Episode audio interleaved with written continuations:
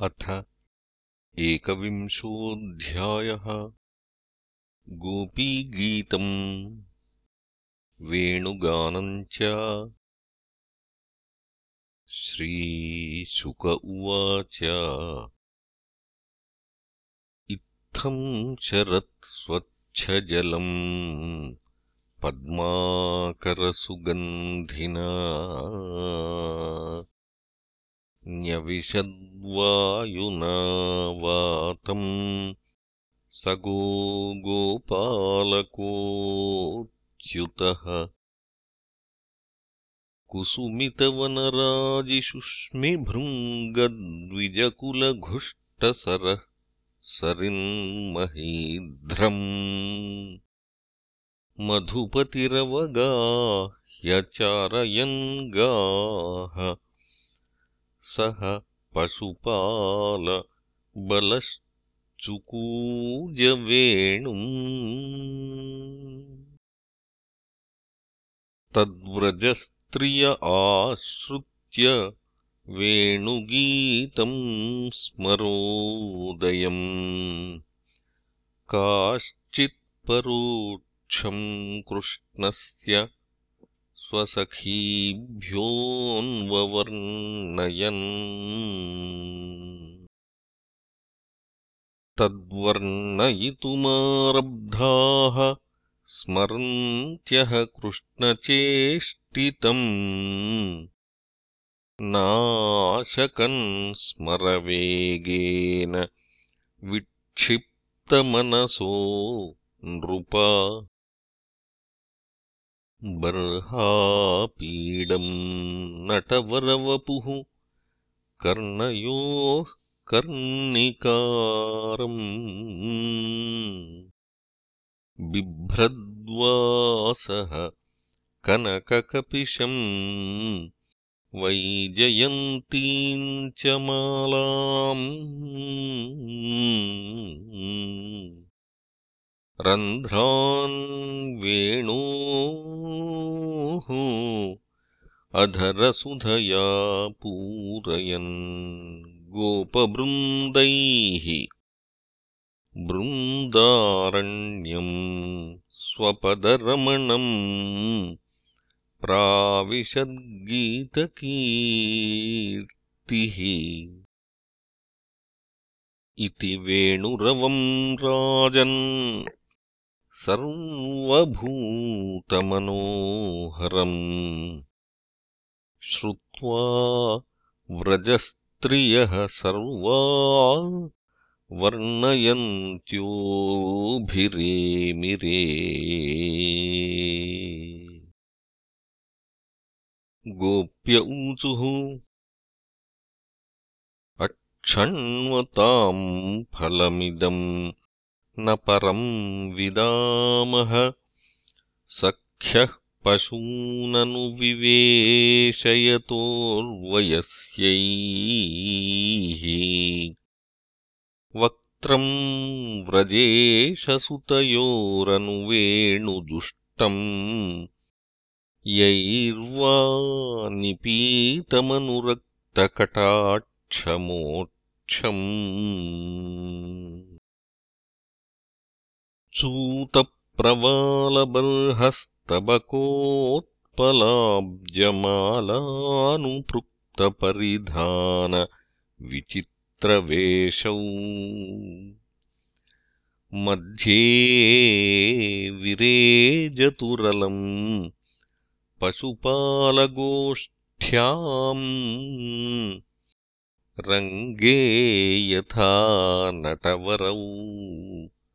क्व च गायमानौ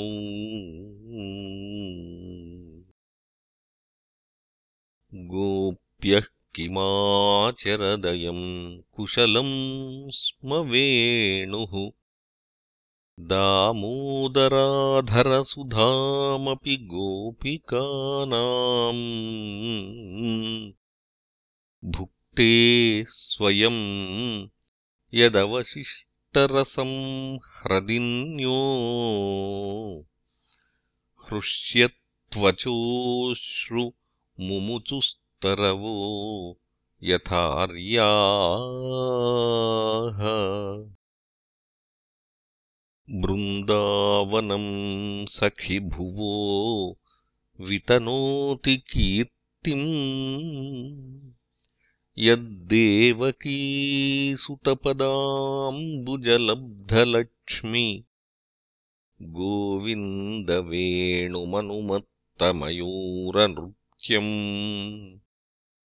प्रेक्ष्याद्रिसान्वपरतान्यसमस्तसत्त्वम्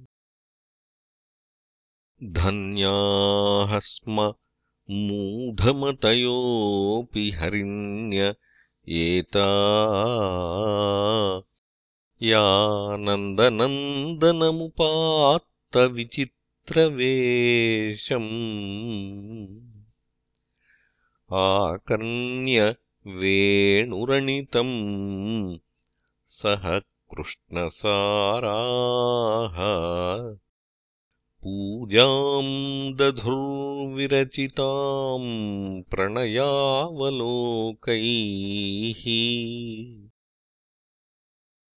कृष्णम् निरीक्ष्य वनितोत्सवरूपशीलम् श्रुत्वा च तत्क्वणितवेणुविचित्रगीतम् देव्यो विमानगतयः स्मरनुन्नसाराः भ्रश्यत्प्रसूनकबरा मुमुहुर्विनीव्यः। गावश्च कृष्णमुखनिर्गतवेणुगीतपीयूषमुक्तभितकर्णपुटैः पिबन्त्यः शाबाः स्नुतस्तनपयः कबलाः स्मतस्थुः गोविन्दमात्मनि दृशाश्रुकलाः स्पृशन्त्यः प्रायो बताम्बविहगा मुनयो वनेऽस्मिन् कृष्णेक्षितम् तदुदितम् कलवेणुगीतम् आरुह्य ये द्रुमभुजान् रुचिरप्रवालान् शृण्वन्ति मीलितदृशो विगतान्यवाचः। नद्यस्तदा तदुपधार्यमुकुन्दगीतम् आवर्तलक्षितमनोभव भग्नवेगाः। आलिङ्गनस्थगितमूर्मिभुजैर्मुरारेः गृह्णन्ति पादयुगलम् कमलोपहाराः।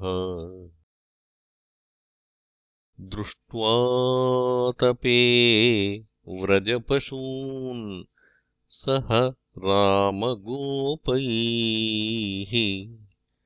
सञ्चारयन्तमनुवेणुमुदीरयन्तम् प्रेमप्रवृद्ध उदितः कुसुमावलीभिः सख्युर्व्यधात् स्ववपुषाम्बुद आतपत्रम्। पूर्णाः पुलिन्द्य उरुगायपदाब्जराग श्रीकुङ्कुमेन दयिता स्तनमण्डितेन। तद्दर्शनस्मररुजस्तृणरूषितेन लिम्पन्त्य आननकुचेषु जहुस्तदाधिम् हन्तायमद्रिरबला हरिदासवर्यो यद्रामकृष्णचरणस्पर्शप्रमोदः मानम् तनोति सः गोगणयोस्तयोर्यत् पानीयसूयवसकन्दरकन्दमूलैः। गागोपकैरनुवनम् नयतोरुदारवेणुस्वनैः। कलपदैस्तनुभृत्सु सख्यः अस्पन्दनम् गतिमताम् पुलकस्तरूणाम् निर्योगपाशकृतलक्षणयोर्विचित्रम् एवंविधा भगवतो या बृन्दावनचारिणः वर्णयन्त्यो मिथो गोप्यः क्रीडास्तन्मयताम् ययुः। इति श्रीमद्भागवते महापुराणे पारमहंस्याम् संहितायाम् दशमस्कन्धे पूर्वार्धे वेणुगीतम् नाम एकविंशोऽध्यायः